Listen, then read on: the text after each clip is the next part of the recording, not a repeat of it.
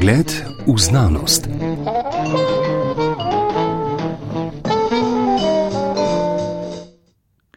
Konec junija so v Slovenskem etnografskem muzeju v Ljubljani odprli občasno razstavo z izborom fotografij dediščine starega Egipta, ki bo žal odprta le do zadnje avgustovske nedelje.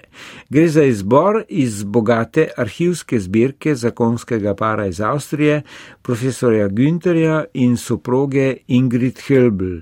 Oba sta klasična filologa, s tem, da je on priznani egiptolog, ki se, kot boste slišali v pogovoru z muzejskim kustosom, dr. Markom Frelihom, že pol stoletja ukvarja z raziskovanjem vplivov staroegipčanske dediščine na sredozemske in eh, z njimi povezane civilizacije in kulture. Dr. Marko Frelih, ta razstava je nastala pravzaprav zaradi več desetletnega sodelovanja s priznanim dunajskim, torej avstrijskim egiptologom, dr. Günterjem Hölblom in seveda njegovo ženo Ingrid.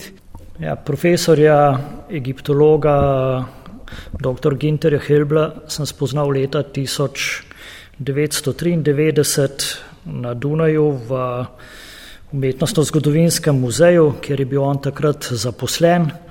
No, to srečanje je potekalo predvsem v taki intenzivni debati v povezavi z situlsko umetnostjo, predvsem etruščansko umetnostjo, ki naj bi posredno vplivala tudi na primere situl, ki jih imamo v slovenskem oziroma tudi v avstrijskem prostoru.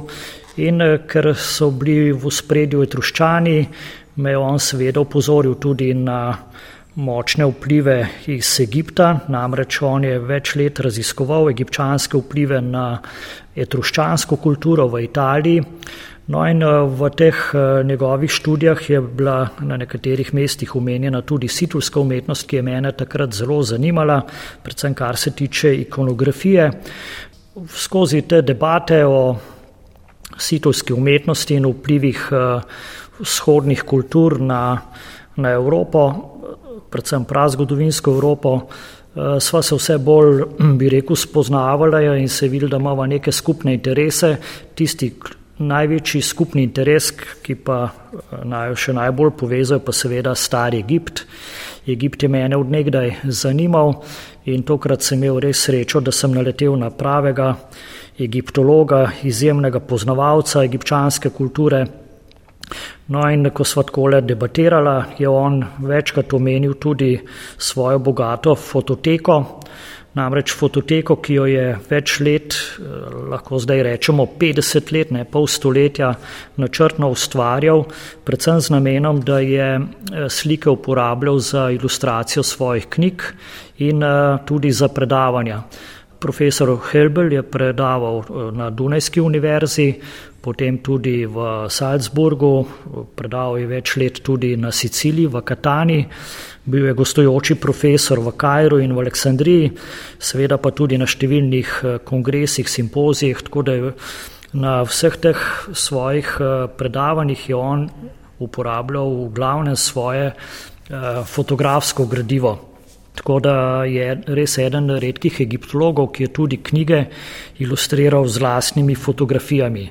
No, te fotografije pa seveda bi lahko rečemo ostale do danes v nekih eh, škatlah, namreč on je fotografiral glavne z diafilmi, delal je diapozitive in te diapozitive lepo seveda urejal po nekih tematikah eh, in tudi po obdobjih in jih shranjeval v posebnih škatlah in tega se je nabralo več tisoč.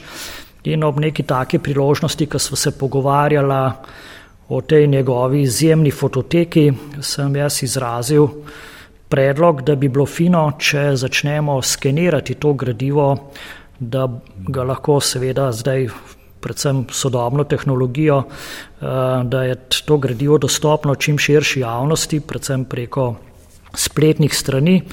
No in tako je pred dobrimi že 15 leti dejansko začela potekati ta akcija postopnega skeniranja gradiva. Z leti eh, se je to gradivo v glavnem uspelo poskenirati in danes imamo skeniranih okoli 14 tisoč diapozitivov, to je lahko rečem tudi glavnina njegovega gradiva v fototeki. Seveda po zadnjih letih profesor Helbel tudi intenzivno fotografira na svojih potovanjih, že z digitalnim fotoaparatom, vendar tisto, kar je za nas najbolj zanimivo, pa res to gradivo, ki ga je on ustvaril v zgodnih obdobjih, predvsem v 70. in 80. letih. Naj povem, da to fotografiranje je bilo vedno zelo načrtno, on se na vsako akcijo, ko je šel fotografirati v Egipt, tudi seveda druge države na Bližnjem vzhodu, se je zelo dobro pripravil. Tukaj mu je bila v veliko pomoč tudi soproga, magister Ingrid Helbel, po izobrazbi klasični filolog oziroma oba sta klasična filologa, kasneje je profesor Ginter se specializiral za egiptologijo. No, tako da gospa Ingrid Helbel mu je res bila v veliko pomoč, pomagala mu je predvsem pri dokumentaciji na terenu, ko je on fotografiral, je ona delala opise posnetkov in eh, ti upisi so danes zelo dragoceni, predvsem, ko zdaj delamo interno muzejsko dokumentacijo, eh, vse fotografije opisujemo seveda s pomočjo teh dnevnikov, zapisov, ki jih je ustvarila eh, gospa Ingrid Hilbel. Tukaj je okoli 60 fotografij, nekaj povečav in tudi precej primerov njegovih knjig, bodi si v njegovem materinem jeziku, torej v nemščini, a ne, on je eden bolj priznanih egiptologov, konc koncev je tudi član Avstrijske akademije znanosti in uh, so prevodi v italijanščino, v angliščino. Zelo mi je pa padla v oči v italijanščini oziroma v nemščini, to so štirje deli, ki uh, govorijo o vplivu starega Egipta na staro Italijo? Ja, profesor Helbel je začel, lahko rečemo, svojo egiptološko kariero eh, na nenavaden način. Eh, za vsakega egiptologa bi pričakovali, da bo šel v Egipt in začel tam eh, raziskovati gradivo oziroma izjemne spomenike iz faraonskega obdobja. Profesor Helbel pa je svojo kariero zastavil na mal poseben način, začel se namreč ukvarjati z Egiptom izven Egipta. To pomeni, da se je lotil tistega gradiva, ki se je nahajal v eh, raznih muzejih, eh, predvsem v sredozemlju. Njegov fokus je bil na začetku predvsem material iz eh, Italije, tako da je prepotoval celo Italijo oziroma predvsem si ogledal vse muzejske zbirke in dokumentiral egipčansko gradivo, ki so ga arheologi odkrili na različnih eh, najdiščih, predvsem v Etruriji. Tako da njegova dizertacija bila dejansko povezana z egipčanskimi vplivi na Italijo v tej, rečemo, tako imenovani železni dobi, se pravi, gre za zadnje tisočletje pred Kristusom. Kasneje se je osredotočil še na Sardinijo in svoje zanimanje na to tematiko, kar se tiče Egipta in izven Egipta, je potem razširil na sredozemlje. Objavil je monografijo o egipčanskih vplivih na Malto, potem še na grške otoke, predvsem na Kreto. Tudi njegova zadnja knjiga, ki je šla lansko leto, je povezana z egipčanskimi najdbami v jami Liteja eh, na Kreti. Tako da profesor Helbeli velja za enega najboljših poznavalcev egipčanske drobne plastike, drobnih predmetov, kot so amuleti, kipci, predvsem gre za te manjše votivne kipce, ki so jih ljudje nosili eh, iz Egipta v različne svete kraje po sredozemlju, po eni strani so jih prinašali v svetišča, na drugi strani so jih pa seveda dajali tudi v grobove pokojnikom, pač z verovanjem v posmrtno življenje, ponovno rojstvo. Tako da v teh eh, železnodobnih grobovih najdemo veliko egipčanskih eh, amuletov, predvsem pa kipcev Izide, boginja Izide je bila zelo priljubljena kot ta velika boginja mati, ki zagotavlja tudi posmrtno življenje oziroma novo rojstvo. Tako da profesor Helbel je res sistematično obdelal ogromno gradiva. Naj povdarim, da je on eh, v muzejih tudi se vedno dogovoril, da je lahko sam fotografiral. Namreč kot egiptolog je znal prebrati tudi napise na teh predmetih. In eh, te njegove študije so danes res izjemno dragocene, ker je ustvaril bogato fotografsko zakladnico teh egipčanskih predmetov v sredozemlju, krati pa seveda je vse to izvrstno komentiral in objavil v študijah, ki ste jih omenili. Na razstavi je okoli 60 uh, izbranih fotografij in kot rečeno nekaj povečav. Zdaj, potem pa je na razstavi tudi karta, ki kaže, iz katerih točk je. Ne? In gre pravzaprav od piramid v Gizeh dol do zgornjega Egipta, kar pomeni geografsko na jug, do, do Nubije praktično. Ne? In zahodno od Nila, torej te oaze, kjer je tudi v obdobju, ko je rimska država osvojila Egipt. Ampak še vedno tudi ikonografija je še dolgo, dolgo časa ostala rečemo temu klasično egipčanska, s temi prepoznavnimi značilnimi eh, dvodimenzionalnimi podobami ljudi. Selekcijo fotografij za razstavo je bilo seveda težko izpeljati ob tako obsežnem gradivu. Pred seboj imaš 14 tisoč fotografij, mm razstavni prostor pa prenese okoli 60 do 70 fotografij. No, seveda je bila ta selekcija narejena skupaj s profesorjem Hilblom in smo se odločili, da prikažemo morda bolj te manj znane elemente egipčanske kulture, da ne govorimo toliko o znanih faraonih, mm. ampak izpostavimo to zadnjo fazo faraonskega obdobja, ki se pa seveda že prepleta z grškimi oziroma tudi eh, rimskimi vplivi. Hkrati pa se vseeno sprehodimo po Egiptu od eh, severa do juga.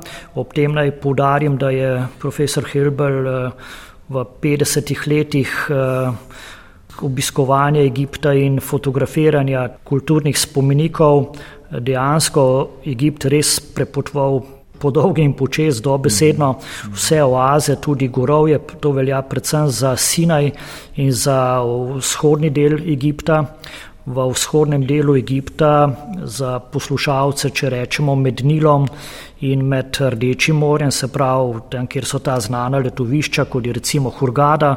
V zaledju Hurgade imamo hribovja, gorovja, kjer si še danes seveda ta področje slovi po kvalitetnem kamnu, predvsem granitu, porferju in eh, ostalih kameninah. In tak eh, kamen oziroma kamnolomi eh, v tem gorovju so bili za egipčane zelo dragoceni, kasneje tudi za Grke oziroma še bolj za Rimljane in so v tem nedostopnem področju nastala velika naselja, legijski tabori, tudi ta znana legija polinarijska je bila tudi v našem prostoru. Ta legija se potem pojavi v tebanskem eh, gorovju oziroma pardon, v tem uh, egipčanskem gorovju uh, nad Hurgado. No in ta legija varuje recimo kamnolome, ker je bil to res en tak dragocen material, ekonomsko zelo pomemben. Profesor Hilbel je obiskoval vse te kraje, obiskal je vse te lokacije kamnolomov in eh, to je res ena eh, lepa zbirka eh, posnetkov, ki jih je ustvaril na terenu.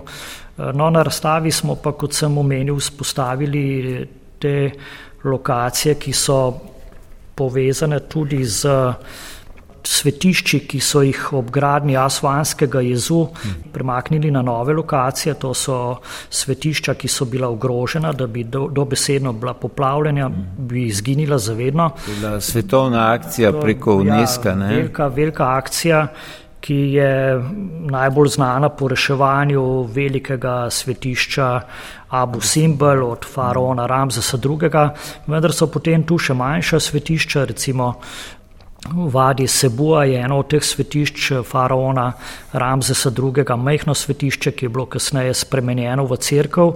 In tu naj povdarim, da je pri tem svetišču, ki je eh, predstavljen tudi na razstavi, sodelovala takrat v 60-ih letih tudi jugoslovanska ekipa in da del te ekipe je bil tudi slovenski restaurator, gospod Miha Pirnat. Vi ste no. tudi razstavo teh izbora teh ja. Eh, fotografij dediščine predstavili pred leti. Ne? Ja, pred desetimi leti smo v Slovenskem etnografskem muzeju naredili razstavo fotografij eh, gospoda Pirnata. To so izjemno dragoceni posnetki, je bila res lepa razstava, naredili smo tudi potem poseben prispevek še za revijo, tako da je to bilo tudi objavljeno. Uh, tako da to je en fin material. No in tudi na tej današnji razstavi od profesorja Helbla smo izpostavili ta uh, primer svetišča v Sebuji, ki so ga nekdani jugoslovanski restauratori uspeli rešiti pred uh, uničenjem. Tako da na razstavi je zanimiv morda za gledalce, za obiskovalce, predvsem eh, preplet starogipčanske kulture, rečemo bolj te vizualne podobe, eh, ki jo takoj prepoznamo mm. z nekimi temi elementi starega Egipta.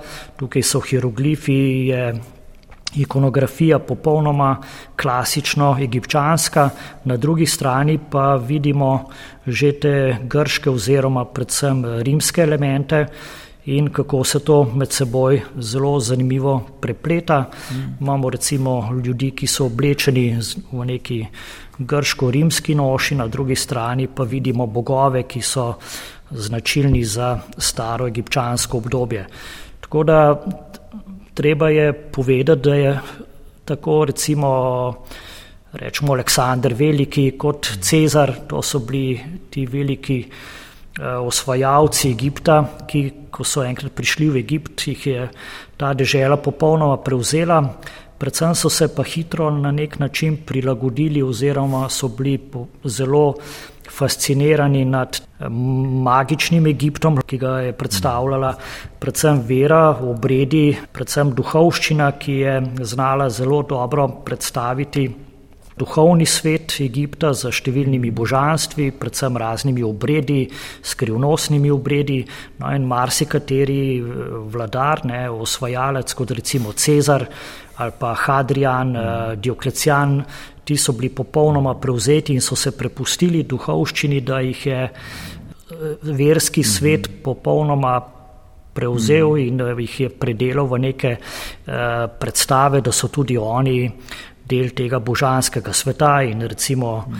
Hadrian je bil popolnoma prepričan, da je tam v Egiptu doživel eno razsvetljenje, tudi Dioklecijan je bil nad tem zelo prevzet, Cezar itak, sicer je Cezar imel še drugo fascinacijo, to je bila Kleopatra, ampak eh, na vsak način Egipt je imel eno tako svojo vrstno moč, eh, da je zravno s to tradicijo faraonov in bogatega pantona, številnih božanstv za Izido na čelu, da je dejansko fasciniral prišleke, ki so priš, prihajali v Egipt, eh, predvsem eh, cesari in ostali pomembni ljudje. No, vse to se zdi, da je tudi po besedah samega profesorja Hölble eden od osnovnih namenov te razstave, namreč, kot ste izpostavili na začetku, ne, jaz sem tudi rekel, da razstava, torej mesta, kjer so bile te fotografije posnete, od piramid v Gizah, seveda, ki so sinonim, ampak tukaj se pa tudi večinsko, mogoče še svetišče Nefretete ali pa še kaj, ne, Sfinga, ne, potem se pa počasi splošno poznavanje neha, ne, ampak Meni se zdi, da gre ta razstava v smer tega, da se poglobi znanje o vplivu starega Egipta na stari svet, antični svet, ki ne mara ga res premalo, torej ta vpliv poznamo, ali pa so tudi strokovnjaki in strokovnjakinje premalo to premišljevali. Kaj mislite? Ja, tukaj na razstavi Fotografije lepo pokažejo, kako se je med seboj združil staroegipčanski svet z novimi vplivi grškega in eh, rimskega obdobja. Ob tem pa je treba povdariti, da Egipt je imel močan vpliv na sredozemlje že v zadnjem tisočletju pred Kristusom, takrat so bile komunikacije zelo intenzivne, ladijski promet je bil zelo dobro razvit in eh, ne samo, da je Egipt eh, segel zelo daleč v sredozemski prostor, ampak tudi na celino. Na vse zadnje je močan vpliv imel v jadranski prostor, jadransko morje. In eh, po Jadranskem morju so vplivi dosegli tudi naš prostor. V Ljubljani imamo seveda v ruševinah nekdanje Emone, imamo dokaze za prisotnost eh, kulta ali pa vsej nekega eh, čaščenja boga Serapisa, neke najdbe egipčanske, ki so dejansko bile res pripeljane iz Egipta, lahko dopušča možnost, da so bili še kakšni drugi kulti prisotni, tudi zelo verjetno Izida. Potem imamo tudi v celju in predvsem na Ptuju, v nekdani Petovi, imamo dokaze, da so tam častili boginjo Izido in uh, Serapisa. In na vse zadnje, če gremo samo malo čez mejo na Mačarsko, v Sombatej, mm. uh, je tam bil en veliki tempelj posvečen uh, bogini Izidi v rimski dobi. Tako da Izida kot ta boginja, velika boginja mati, boginja plodnosti, materinstva, tudi boginja, ki zagotavlja ponovno uh, posmrtno življenje, ponovno rojstvo. Boginja Izida je bila res zelo eh, priljubljena v rimski dobi in eh, seveda samo po sebi umevno, da tukaj najdemo neke usporednice potem seveda s krščanstvom oziroma z uh, Marijo in Izido. Marija je simbol materinstva in tudi Izida, ki ima ob sebi uh, hora svojega sina. Ta materinski simbol je tukaj uh, zelo identičen eh, in seveda ne smemo pozabiti, da se je krščanstvo le razvijalo v Egiptu. Konc koncev Amon Ra, ne, kot eh, zaukazani edini bog, ne, bog sonca, je eh, nekje praprednik eh, eno boštva, ne, ki, iz katerega so vse tri monoteistične religije počasi šle. Ne. Ja, krščanstvo ima svoje korenine v Egiptu, to je popolnoma jasno. In tudi tukaj na uh, fotografijah, na razstavi imamo recimo primer eh, svetišča v eh, Denderi, kjer je tako imenovana uh, hiša rojstva, kjer lepo vidimo to posmrtno vstajenje boga Ozerisa. Vemo, da je bil bog Ozeris ubit, njegov brat ga je ubil, razsekal na kose in potem v magičnem eh, procesu, posebnem obredju eh, boginje Izide in boga Tota eh, pride do oživljanja tega mrtvega ozerisa in na nek način do ponovnega pos, posm, posmrtnega uh, vstajenja. Mm. No in to posmrtno vstajenje seveda pa vsi poznamo mm. tudi iz nove zaveze, mm. iz uh, Kristusovega življenja, ko po smrti tretji dan ponovno postane od mrtvih in vemo. Na tej razstavi v Slovenskem etnografskem muzeju kot rečeno, zemljevid kraja ne? in gre tam od ob Nilu dol do Nubije in potem še eh, zahodna, torej eh, zahodno od Nila tudi v Puščavi. Ne? Ampak sam Günter Hölbel ne, je pa raziskoval vplive staroegipčanske kulture, precej širše. In tu rekli ste, da je pravzaprav do Egipta prišel na ta način, da je najprej vplive raziskoval. In to gre tam do Iraka, do, celo do Kaukaza. Ja, profesor Helbel je svoje raziskave usmeril izključno na vpliv Egipta v sredozemski prostor, seveda pa Egipt ni gravitiral samo proti sredozemlju, ampak tudi eh, globje v vzhodni del sredozemlja, v zaledje, recimo današnjo Turčijo, potem proti Mezopotamiji.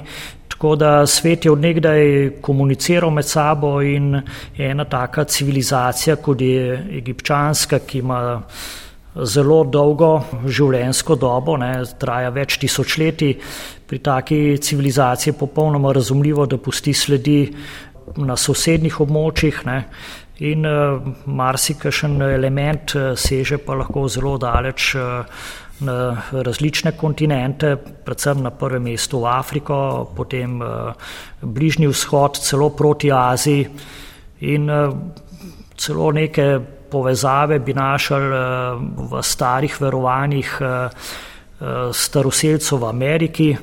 Na prvi pogled se sliši to nenavadno, vendar so neke povezave lahko preko eh, Azije in eh, Srednje Azije, Severne Azije, potem v eh, območje Beringove užine. Po tej poti lahko prišle tudi neke ideje v severni del Amerike in predvsem pri teh posmrtnih predstavah verovanja v ono stranstvo, kult mrtvih in tako naprej. Tam, tam bi lahko celo našli neke sporednice v verovanju, ki ga prepoznamo tudi v starem Egiptu. Povrniva se še enkrat v obdobje pred tremi desetletji, ko ste spoznali profesorja na Dunaju, ko ste študirali ikonografijo srednjeevropskih situl. Ali obstajajo kakšne dokazljive ikonografične, ikonografske povezave z Egiptom na teh srednjeevropskih ikonah, konc koncev od severne Italije pa ne do Srednje Evrope? Ja, v situlski umetnosti je veliko motivov. To kažejo tudi najnovejše odkritja in eh, raziskovalci so si vse bolj enotni, da ti motivi imajo neke korenine v sredozemskih kulturah posredno tudi v Egiptu, čeprav nekih direktnih sporednic, predvsem z to ikonografijo, ki jo mhm. poznamo na naših situlah, na bronastih posodah, ki so jih arheologi našli v grobovih, je ta motivika seveda bližje etruščanskemu, veneckemu prostoru v severni Italiji. Vendar severna Italija, kot sem omenil, ima močne stike z kretsko-mikensko kulturo in mm. posredno tudi za egipčansko. Tako da so skozi stoletja te motivi na nek način z svojo simbolno govorico bili vse čas prisotni, so se prilagajali nekemu lokalnemu okolju, vendar neke stalnice lahko eh, sledimo. Tukaj so ta fantastična bitja, mm. kot so recimo razne sfinge, grifoni, na drugi strani pa vidimo tudi obredje. Recimo ena od takih zanimivih obredi, ki ga najdemo v situlskem repertoarju, recimo maziljanje, tudi na vaški situli, na najbolj znani situli slovenskega prostora, je prizor maziljanja in Zanimiva, po svoje prav fascinantna je primerjava z maziljenjem eh, faraona Tutankamona, ko ga mazili njegova soproga. To je seveda tako bredni akt, eh, ki ima zelo močan pomen, namreč maziljenje. Vemo vsi, da je to eden eh, najpomembnejših delov tega obreda. Gre za neko simbolično zaščito, magično zaščito in hkrati za nek obred prehoda v eno drugo stanje zavesti. Na vse zadnje, če se spomnimo pred kratkim velikih eh, slovesnosti ob ustoličenju kralja Karla III., ne, novega angliškega kralja. Vemo, da je tam en najbolj pomembnih delov obreda bil ravno obred maziljanja in tudi to je bil edini del obreda, ki javnosti ni bil na ogled. Gre za sveti obred, gre za intimen obred in takrat javnost nima zraven kaj delati, kot se reče. No in ta obred maziljanja je recimo tako na vaški situli, kot ga poznamo tudi iz Tutankamonove grobnice, kjer so odkrili imeniten čudovit kraljevi prestol in na tem prestolu je upodobljen faraon v trenutku maziljanja in oba motiva iz vaške situle in Tutankamonove grobnice sta si izjemno podobna, vmes pa je seveda minilo zelo dolgo obdobje, več stoletij, ampak očitno so tu neke stalnice v motivi, ki bile vse čas prisotne, so se pa seveda prilagajale nekemu lokalnemu okolju.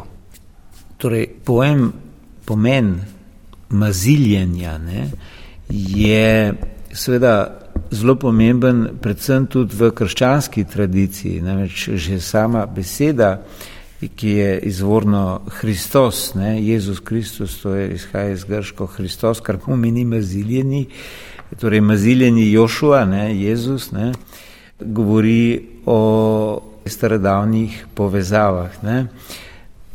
Ali obstajajo, vi ste le, vi se le ukvarjate z Egiptom toliko časa že, nekje dokazi ali pa saj eh, nakazila v razlago, da je v Grščino, torej med Grke, to prišlo tudi preko Egipta. Ne.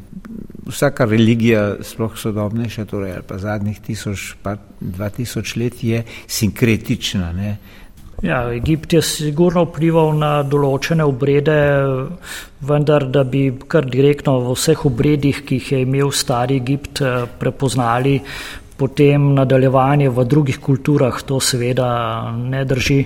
Egipt je bil po eni strani zelo, lahko rečemo, statičen, zaprt. Eh, ti rituali, ki so potekali v egipčanskih templih, so bili značilnost Egipta in se ta tempelski obred ni prenesel v druge kulture, seveda Grčija ima tudi kult bogov v svetiščih, vendar ne tako kompleksen, ne tako tudi res tak razkošen, kakor ga poznamo recimo v Egiptu, predvsem v Karnaku oziroma v, v Luksorju, ne, kjer imamo na eni strani veliko svetišče boga Amona, potem je svetišče boginje Mut in uh, tukaj so res potekali veliki obredi, procesije z ladjami na kopnem, uh, tako da to so bile velike zadeve, nekaj takšnega recimo Grčija ne pozna, so to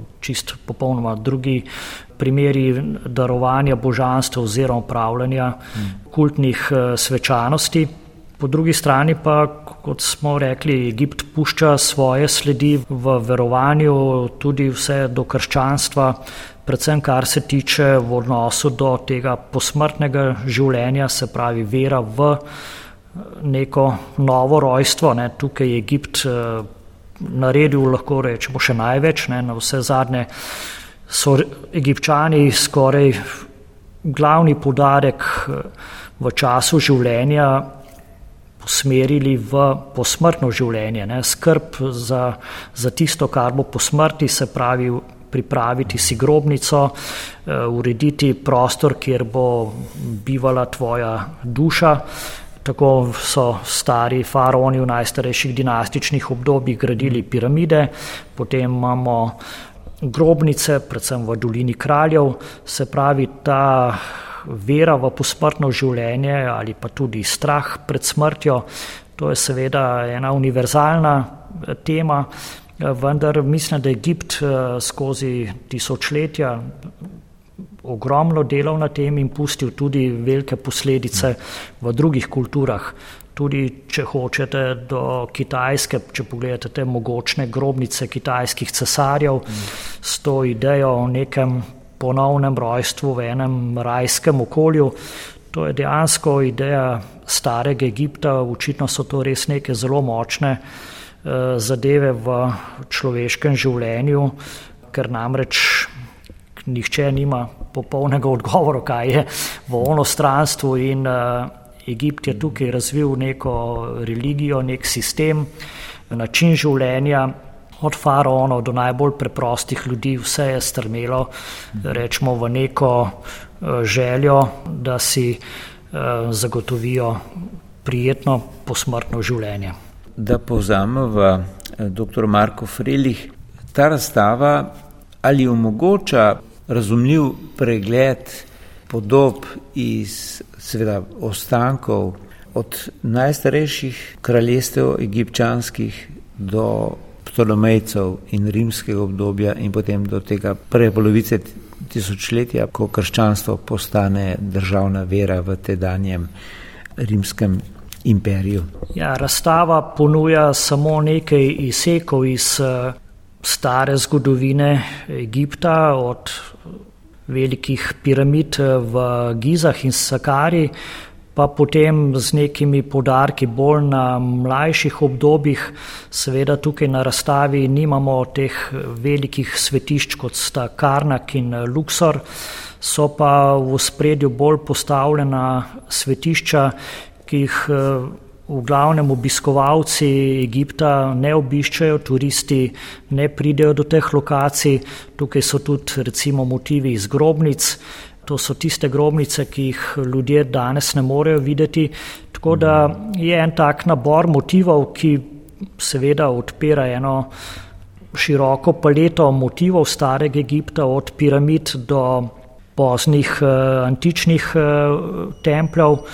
Tako da vsak, ki bo si ogledal te fotografije, bo lahko dobil eno tako zanimivo podobo o Egiptu, mogoče malo svojo vrstno, malo tisto nenavadno, ne faraonsko, vendar kljub temu bo pa začutil, da je stari Egipt, ta stari klasičen faraonski Egipt, vse čas prisoten, tudi če se srečamo po en stran z grškimi motivi oziroma z grškimi spomeniki ali rimskimi, stari Egipt je ostal zvest samemu sebi do, do konca svojega obstoja, se pravi do prihoda krščanstva.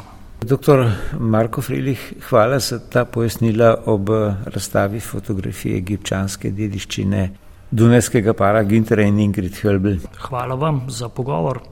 Za končno zvočno podobo je skrbel Vjekoslav Mikes, oddajo pa sem pripravil Goran Tenze.